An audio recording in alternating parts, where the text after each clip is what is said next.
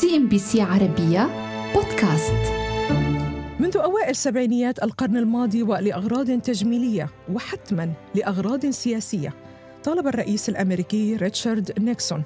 البنك المركزي الأمريكي أو ما يعرف بالفيدرالي الاحتياطي بإيجاد طريقة للتخلص من البيانات الشهرية لحسابات تضخم المستهلك والتي اعتبرها مضرة لسمعته السياسية.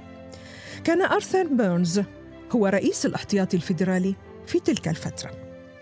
قبل مطالبة نيكسون كانت البيانات تعكس ارتفاعات أسعار النفط والغذاء لأن النفط والحبوب تتصدر قائمة الاستهلاك ليس فقط عند الأمريكيين ولكن عند كل شعوب الأرض. وعليه ولتلبية رغبة الرئيس السابع والثلاثين للولايات المتحدة اخترع رئيس الاحتياطي الفيدرالي بيرنز مؤشر أسماه التضخم الأساسي الذي شطبت منه أسعار النفط والغذاء. في ذلك الوقت تحديدا وقبل تطبيق المؤشر الجديد شكلت بيانات الطاقة زيادة بأكثر من 11% والغذاء بأكثر من 25% من حسابات التضخم. تلك البيانات التي لم تعد أساسية فيما بات يعرف بالتضخم الأساسي. وفي يونيو من العام 1971 كتب رئيس بنك الاحتياطي الفيدرالي الأمريكي آرثر بيرنز مذكرة إلى الرئيس ريتشارد نيكسون. كتب في تلك المذكرة ما يبرر فيها أن ارتفاع معدل التضخم لم يكن بسبب السياسة النقدية أو ناتج عن أي إجراءات اتخذها بنك الاحتياطي الفيدرالي تحت قيادته لأن المشكلة بحسب تعبيره أن هيكل الاقتصاد قد تغير بصورة عميقة. وبناء على ذلك اقترح بيرنز بضرورة تنفيذ سياسة تجميد الأجور والأسعار لمدة ستة أشهر. بعد تطبيق تلك المذكرة بدأت معدلات التضخم بالتراجع لكن أعقب سياسة التجميد المزيد من الضوابط الإلزامية والتي تطلبت من الشركات الحصول على إذن من اللجنة المعنية لتغيير الأجور والأسعار. المفارقة الملفتة أنه مع حلول العام 1975 ارتفعت أسعار الحبوب بنسبة 300% بسبب تردي موسم الحصاد في أراضي الاتحاد السوفيتي إضافة إلى ارتفاعات صاروخية.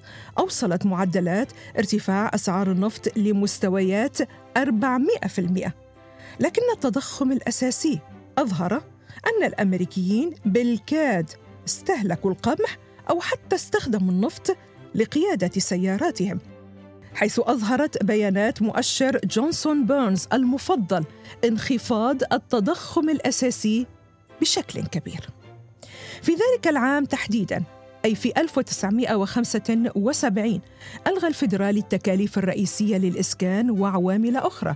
تاركا مؤشر أسعار المستهلك يقتصر على 35% من مكونات سلة السلع الأصلية التي تم قياسها رغم أنه بحلول ذلك الوقت كان التضخم اليومي الحقيقي خارج نطاق السيطرة كلياً.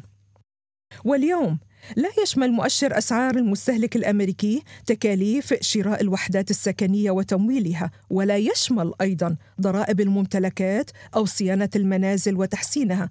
ارتفعت أسعار هذه المدخلات في جميع أنحاء الولايات المتحدة منذ العام الماضي وهي مستمرة بتسجيل أرقام قياسية.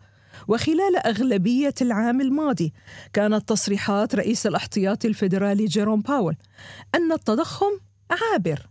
وغير مثير للقلق ولا يستدعي منه تحركا عاجلا لرفع معدلات الفائدة. ولكن ومنذ بدايات 2022 لم يبدو أن التضخم كان عابرا بل راسخا وبقوة أجبرت صناع السياسة النقدية على إظهار التشدد حيال استمرارية ضخ الأموال الرخيصة وتطبيق سياسات متتابعة من رفع أسعار الفائدة لكبح جماح. ذلك التضخم.